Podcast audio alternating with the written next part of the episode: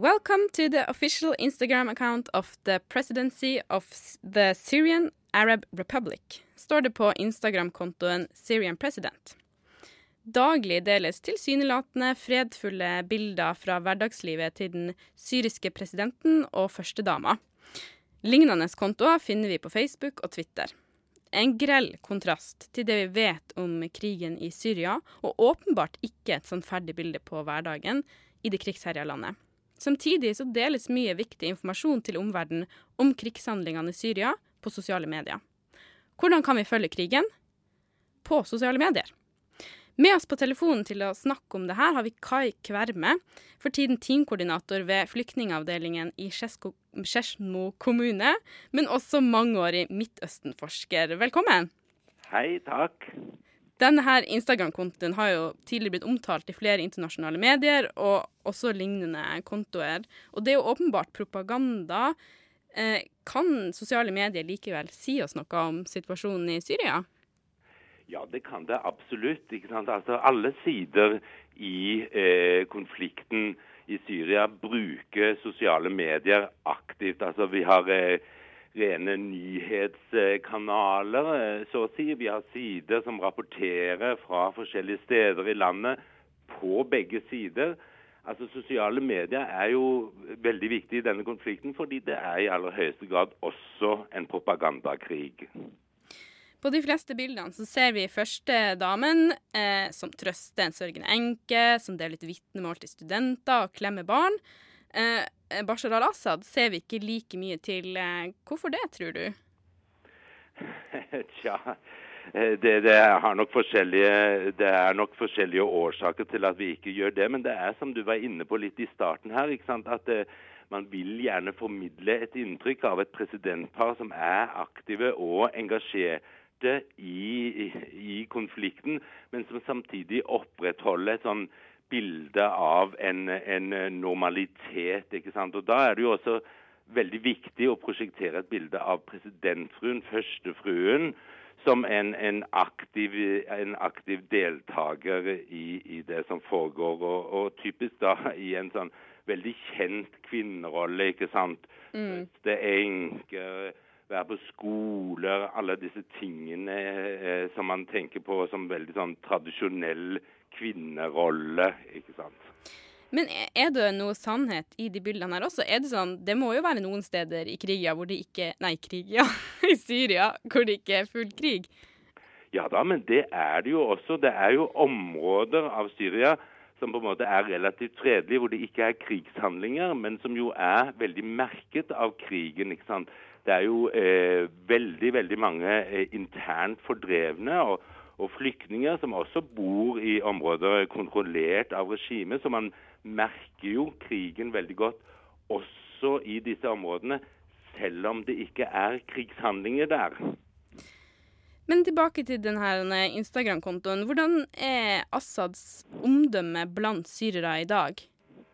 Ja, Det kommer jo veldig an på hvem du spør. ikke sant? Altså For noen er han roten til alt vondt her i verden, og for andre er han eh, nøkkelen til, til Syrias fremtid. Fordi det er jo veldig spesielt, altså da på den siden i konflikten som hvis vi kan si det slik, støtter regimet.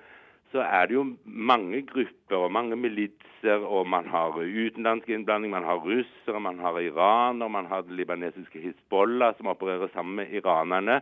Og det har vært eh, tidvis ganske høyt konfliktnivå mellom forskjellige grupper på den pro-regimesiden. Det de har til felles, er at man liksom støtter Assad alle sammen. Man er lojal overfor Assad, selv om man ikke nødvendigvis er lojal til den militsen eller den gruppen som støtter regimet som opererer i ens område. Men presidenten er liksom hevet over dette her, og, og gjør og også aktivt selv bidrar til å, å, prosjektere et bilde av seg selv som hevet over slike ting, ikke sant, som en slags landsfader. Mm. Henter du mye informasjon fra sosiale medier?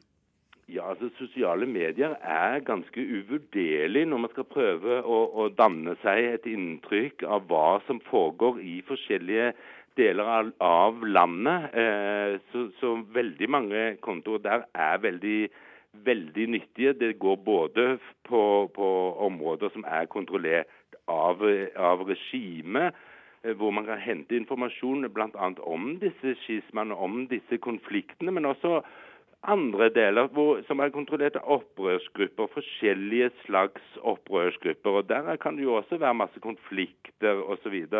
Så, så, sosiale medier som sådan er jo helt uvurderlige når man skal prøve å, å få et overblikk over situasjonen. Og ikke minst også hva slags strømninger som rører seg blant folk som er inne i Syria, på begge sider av konflikten.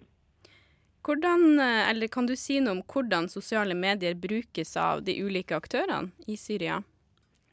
Ja, altså for eksempel så, så, så kan man eh, Så vet man eh, i, Man kan ta et eksempel i en by i et regimekontrollert område. Bryter det ut kamper mellom en milits og, og det regulære syriske politiet, eller den regulære hæravdelinger, eller mellom forskjellige militser.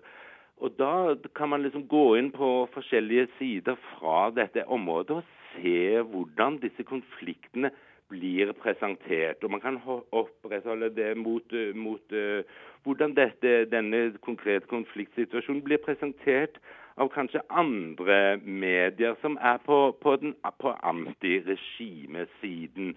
Og så kan man prøve å danne seg et inntrykk av hva dette handler om. Og så kan man se om det, det her er, er igjen, om dette forekommer jevnlig, om det er engangsforeteelser, om det er slik at i noen områder, noen steder, er det konflikter som, som vedvarer. At man ser det stadig komme nye slike konflikter. Og, og, og, man kan se kanskje mellom hvem uh, disse konfliktene uh, er. Så, så, man kan få veldig mye informasjon ved å følge, følge, forskjellige sosiale medier. Det er jo veldig tidkrevende, men det gir ganske uvurderlig informasjon.